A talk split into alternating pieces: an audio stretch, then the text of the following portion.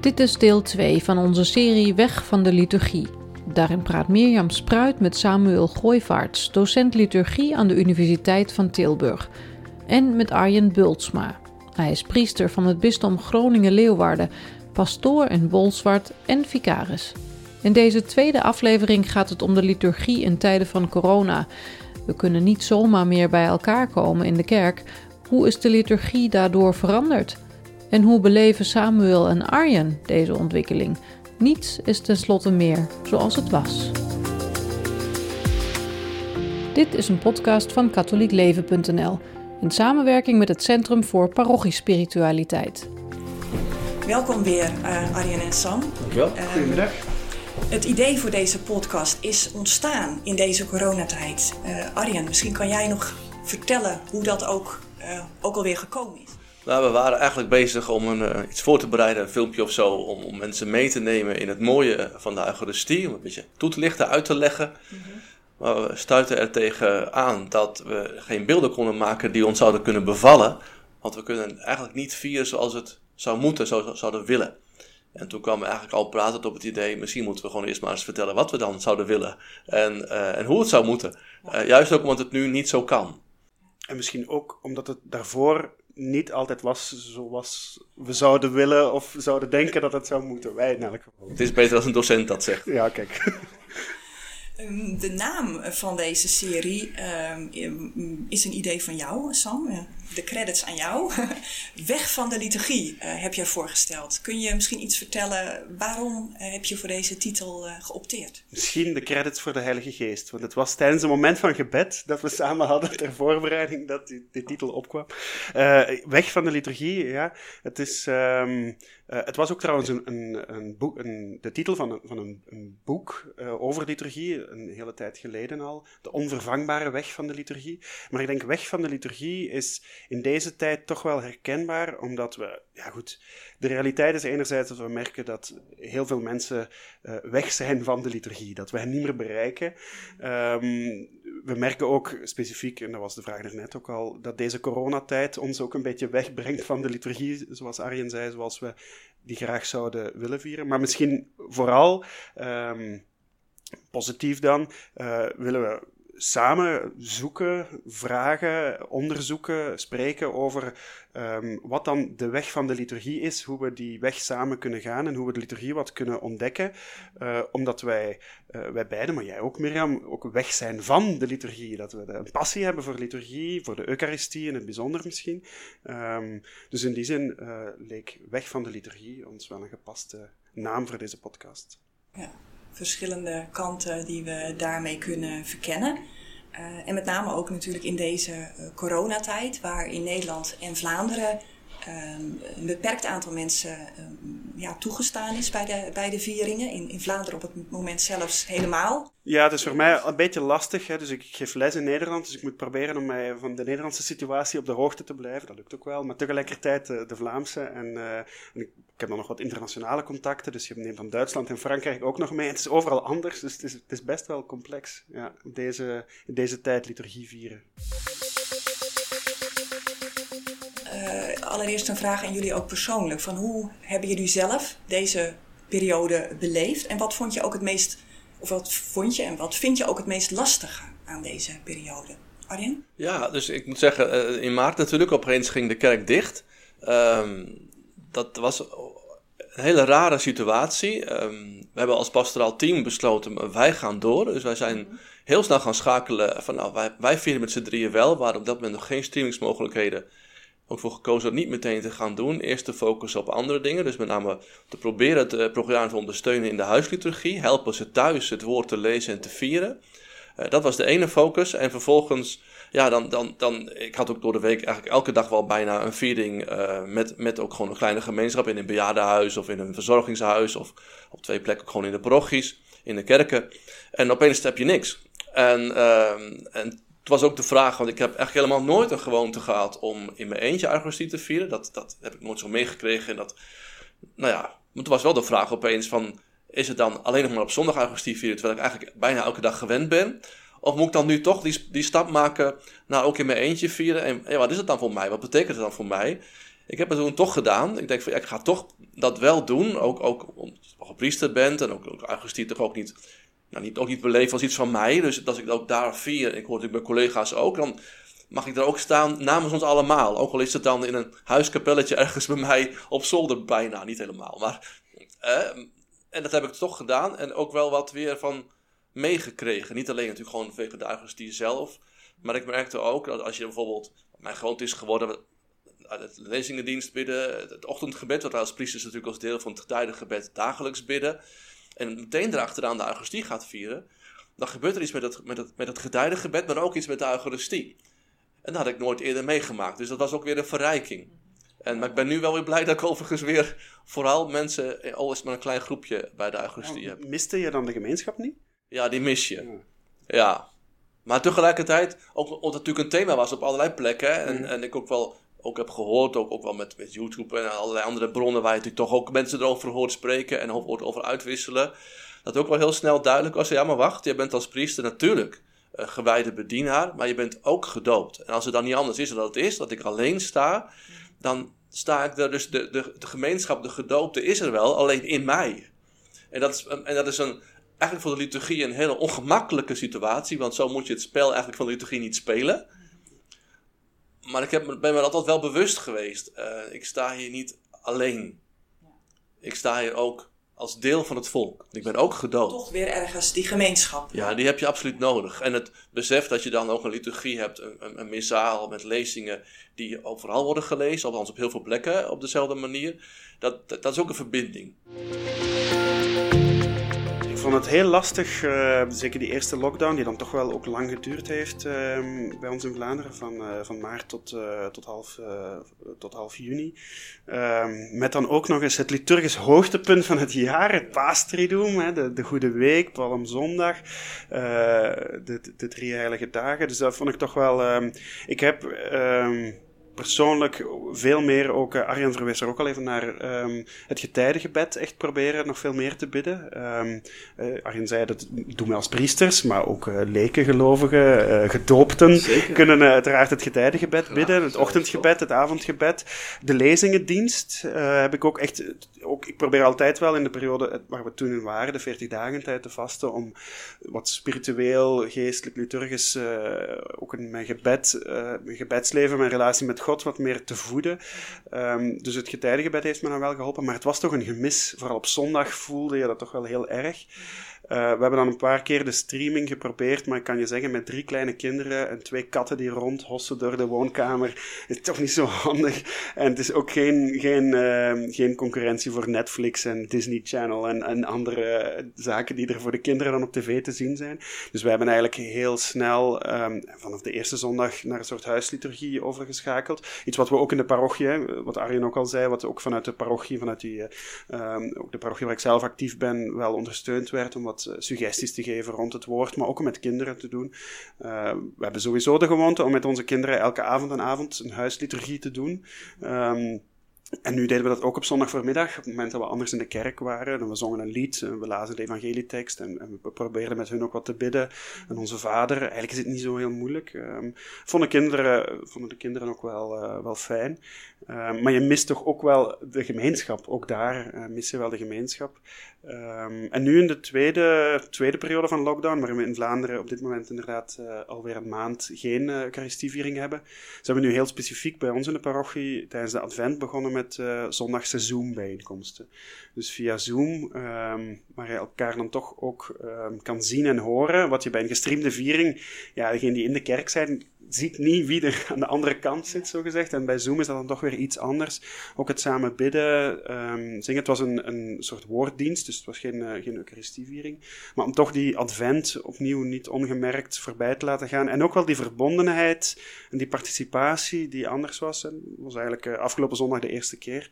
Uh, toch wel veel positieve reacties. Dus het, het, is, maar het is zoeken en het is uh, not the real thing. Eh, of het nu via Zoom is of via de streaming, of hoe, hoe mooi onze huisliturgie met de kinderen en, en hoe, hoe uh, ja, het is, het is toch anders dan op zondag samenkomen in de kerk om, om God te danken en, en, en als gemeenschap naar het woord te luisteren en Hem te ontmoeten in de communie. Um, ja, het is toch een gemis. Ik zeg wel eens dat je hebt eigenlijk, eh, ik geloof dat voor de media heb je wel heel veel media mix, maar je hebt eigenlijk ook een soort van gebedsmix nodig, denk ik. Om Ja. gewoon prettig te kunnen, christelijk te kunnen leven, heb je denk ik een mix nodig van zowel persoonlijk gebed als gemeenschappelijk gebed. En van vrij gebed en ook van zeg maar formulier gebed, ook liturgisch gebed. En dat heb je met elkaar nodig, omdat het, als je alleen maar liturgisch gebed hebt, dan kan het ook een beetje al te stilistisch worden en al te, te, te, te cool misschien soms wel. Alleen maar eh, persoonlijk gebed kan ook veel te sentimenteel worden. Ehm, dat heeft elkaar nodig. En ik denk als je dat niet samen kunt vieren, die samenkomst niet kunt beleven, dan haal je op een of andere manier wel het hart eruit. En valt uiteindelijk, denk ik, ben ik bang, ook je persoonlijk gebed, dat zal steeds moeilijker worden.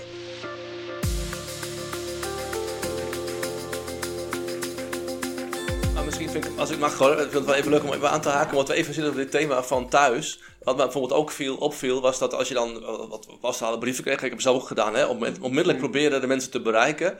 En ook te helpen bij het vieren van het woord thuis. En wat ik heel veel zag, heb ik zelf overigens dus niet gedaan, is dat dan zeg maar, de, de lezingen werden overge, overgedragen via de e-mail of wat dan ook. En er werd ook meteen maar even de preek bij gedaan en de voorbeden. En toen dacht ik, dan zijn we nog steeds bezig In een eucharistisch schema, om, ja. om mensen. Terwijl het is toch veel interessanter om, om dan te kijken, als je dan toch als een gedoopte thuis het woord mag, moet, Mhm. en eigenlijk moet, hè, moet lezen en overwegen, help ze dan om het zelf te doen. En geven, we hebben, wij hebben als parochie wel gekozen voor wat voorbeden, omdat wij diezelfde voorbeden dan in onze eigen viering als pastoraal team ook gebruikten. Dat is een soort van verbinding, dat wisten mensen ook als we dat zo deden. Maar we hebben nooit uitleg gegeven in de zin van ehm, dit, als, alsof een preek zeg maar, over, de, eh, over de mail. Maar meer vragen gesteld om, om, een, om een Lectio Divina mogelijk te maken. Je hebt in België een hele aardige site, hm, toch wel aardig, van Bijbel in duizend woorden geloof ik. Er zaten allemaal leuke werkvormen bij. Ah, het ene is leuker dan het andere, maar je, je, je pikt daar wat uit. Je maakt daar een mooi geheel van. En dan hebben we geprobeerd om mensen om zelf, wees nou gewoon zelf een gedoopte, begiftigd met de Heilige Geest. Probeer maar, daar kan niet zoveel misgaan. En, en we hebben dat in de traditie. Hè? Je zegt eh, Ja. de Lectio Divina, hè? De, de, het spiritueel lezen van, van de schrift. Het is iets anders als woord beluisteren in de liturgie. Maar het is wel in die dialoog gaan staan met God, wat we in de liturgie ook doen. Is die, die Lectio Divina, als je dat echt volgens de, de stappen van de Lectio Mhm. Divina kan doen, heb je daar ook de dialoog met de schrift en die dialoog uiteindelijk met God zelf eh, in gebed, die denk ik een hele mooie. ehm, ja, het is geen vervanging, het is geen substituut van, van, de, van de, de zondagsviering. Maar eh, het is wel in deze tijd, denk ik, echt een, eh, iets om te herontdekken en een mogelijkheid om toch ehm, ja, eh, aan die godsrelatie te werken. Nou, en het helpt om te ontsnappen aan het klerikalisme, waarbij het alleen maar van de priester moet komen, of alleen maar van de voorganger moet komen, of de gebedsleider, wie het er allemaal is, en voor de rest alleen maar consumeren. En dat is natuurlijk echt iets wat, als we nadenken over liturgie, over de nieuwe liturgie van de, van de Novus Ordo, hè, onze huidige eh, liturgische boeken, eh, dan is dat een grote valkuil. Om alleen maar, alleen maar die, die focus op de priester te hebben. En als je dan in zo'n situatie als dit, dus in feite daarmee doorgaat, met alle goede bedoelingen, hè, ik snap het helemaal en het is allemaal heel pastoraal, denk ik.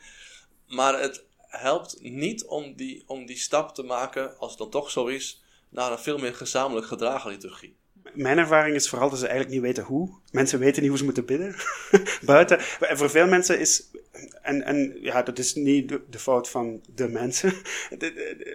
Waarschijnlijk hebben we als kerk daar ook eh, een, een grote verantwoordelijkheid in. Voor veel mensen is hun, hun geloofsbeleving, hun religieuze beleving, hun christelijk geloof, is vooral eigenlijk dat uurtje op zondag. En dat er daarbuiten nog een heel scala aan, hè, Lectio Divina, getijdengebed, eh heel wat mogelijkheden zijn om, ehm, om te bidden, om, om in die relatie met God te gaan staan.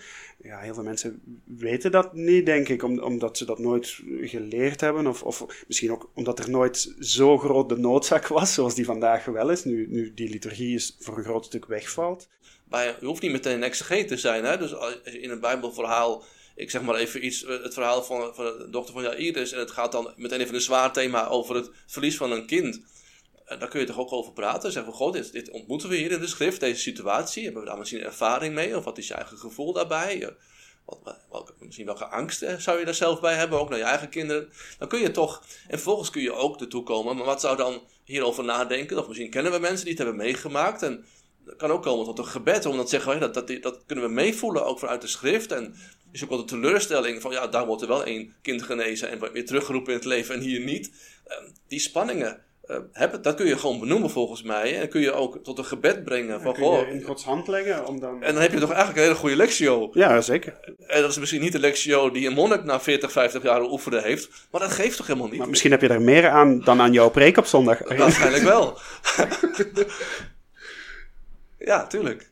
Dus dat, dat, dat is veel, het is veel makkelijker. En wij hebben, wij hebben geprobeerd om dat soort, dat soort van simpele vragen, wat natuurlijk eigenlijk hele moeilijke vragen zijn, maar eh, zo, zo te stellen. En ook gewoon een kleurplaatje bij te doen of een quizje bij te maken. Of, of een woordzoeker of zo met woorden uit het evangelie. Het hoeft niet zo ingewikkeld. Je kunt op een hele leuke manier thuis een uurtje met de lezing van de zondag bezig zijn. Nu, het klinkt wel allemaal heel positief, maar toch ook benadrukken dat het het is toch ook wel een moeilijke tijd. En, en uh, door, voor veel mensen ook echt als een gemis. En het is ook een gemis. Hè? Dus we willen niet zeggen dat, uh, hoe mooi de kansen ook zijn. Ja, het is behelpen. En dat geldt natuurlijk nu ook, nu we van Nederland wel weer vieren. Eerst met 100 en nu weer met 30. Ook dat is behelpen. Want de protocollen die we moeten volgen met wat je wel en wat niet kunt. Om het natuurlijk allemaal veilig te houden. En allemaal terecht, hè? dat hebben we geen enkel bezwaar. Uh, althans vanuit dat perspectief niet. Maar, maar uh, de, de, liturgie ja, is gewoon niet optimaal. Um, ik, ik, merk eigenlijk dat uh, een aantal parochies uh, die wat helderder voor ogen hebben waarom ze parochie zijn, uh, het sneller oppakken. Dus ook nadenken over die huisliturgie waar jullie het over hadden, maar ook over het streamen hoe, van de vieringen. Hoe doen we dat? Hoe pakken we dat aan?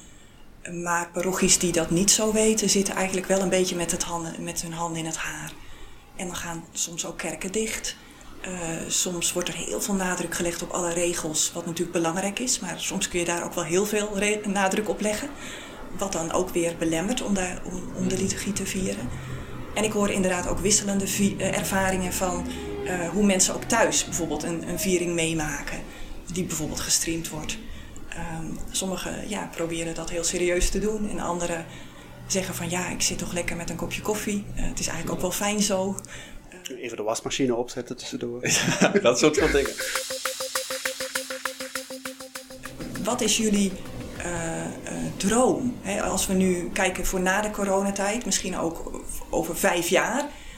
Um, hoe zou jullie parochie er dan uitzien? De parochie waar je voor gaat, waar je, waar je bent. Beroep op onze profetische gaven. Ja, precies, precies. Ja, ik vind het wel lastig.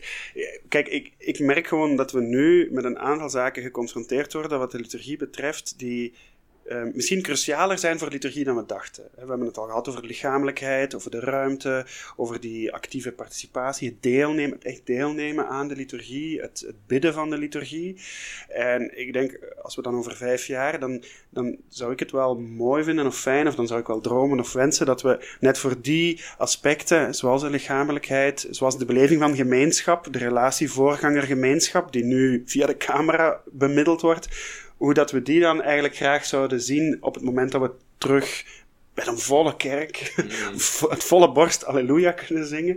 Uh, die zaken die, die nu net onder druk komen te staan, waardoor dat wij allebei zeggen van eigenlijk is dit toch niet liturgie zoals we liturgie zouden willen vieren. Uh, laten we daar dan eens over nadenken.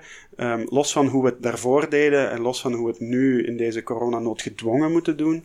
Um, hoe kunnen we dat nu echt, uh, kunnen we daar op een nieuwe manier aandacht aan schenken of beleven, uh, duidelijk maken in, uh, in onze liturgie uh, zonder al die restricties. Ja, precies. En ik denk dat het belangrijk is, denk een sleutelbegrip is dat ook zeker, voor, zeker de vorming nodig is, dat ook de mensen die in de kerk zitten ehm, weten als het ware waar, waarom Waarom is het belangrijk dat ik meezing? Bewuste en actieve participatie. Precies, de bewuste actieve participatie. En dat het, uh, het openings niet, niet alleen maar ook mooi is, omdat je inderdaad samen zingen, dat, dat, dat heeft iets natuurlijk, en dat is ook zo. Maar dat er ook iets meer aan zit. En, en als je dan bijvoorbeeld een, een dialoog, een antwoord geeft op, op, een, op de Heer zijn met u en met uw geest bijvoorbeeld, dat dat, dat, ja, dat niet alleen maar... moet zingen nog. Hè? Moet zingen ook nog. Ja, nou ja, dat is nog een volgende. Maar, maar in ieder geval dat dat en ook het, het, staan, het zitten, het buigen, het knielen eventueel, waar dat kan. En, en, al dat soort van zaken. Dat dat betekenis heeft. En dat dat iets te maken heeft met die actieve participatie. Um, en niet een soort van idee van wij zijn met z'n allen klapvee voor de priester, om maar even heel plat te zeggen. Ja, en dat ook niet gewoon het, volgen is van de regeltjes omdat het zo moet. Maar dat, dat, dat er wel betekenis, zoals je zegt, achter zit. Dat doorheen natuurlijk, die regels doorheen. Kijk, dat is ook wel iets heel moois om te ontdekt hebben nu denk ik, hoop ik, dat het, we hebben het over rituelen. En over een ritueel, die, dat is gebaat bij herhaling. Ehm, en juist nu met dat herhalen en het gewone van het doen, heb ik zelf enorm gemerkt. Ik moest opeens bij alles nadenken van, mag dit wel, kan dit wel, is het veilig? en, uh, en dan, dan, dan, dan, kom je niet meer tot bidden. Dan ben je alleen maar aan het nadenken van, uh, dan ben je een functionaris.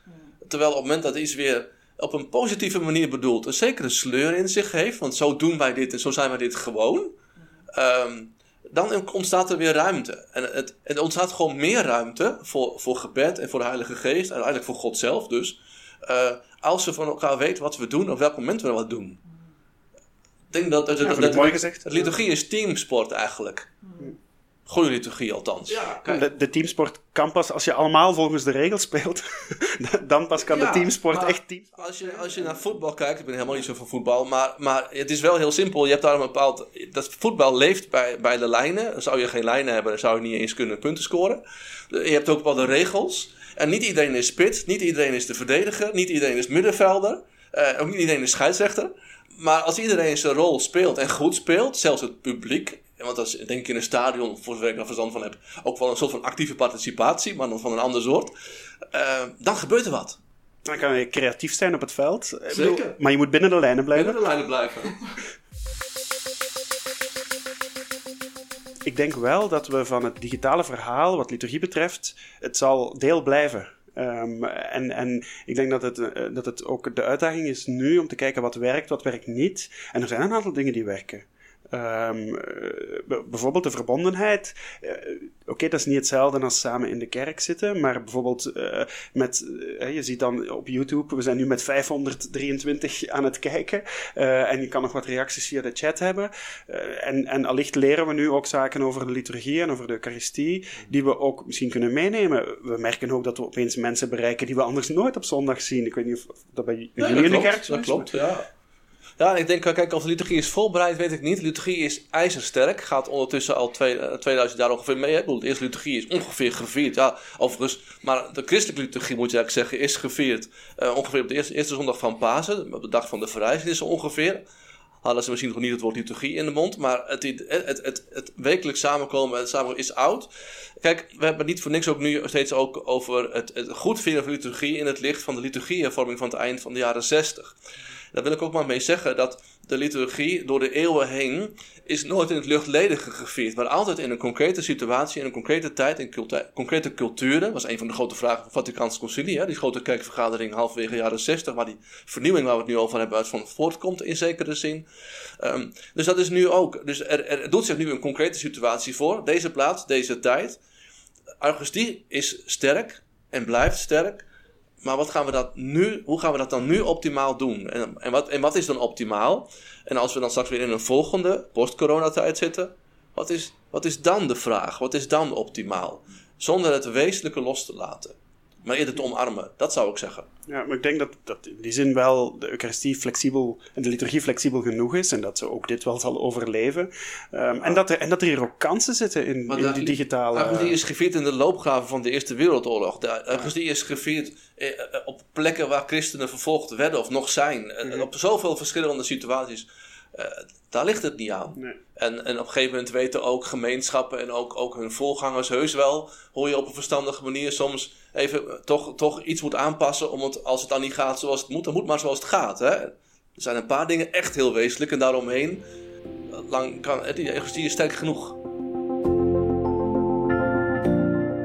Dit was een podcast van katholiekleven.nl in samenwerking met het Centrum voor Parochiespiritualiteit. Bedankt voor het luisteren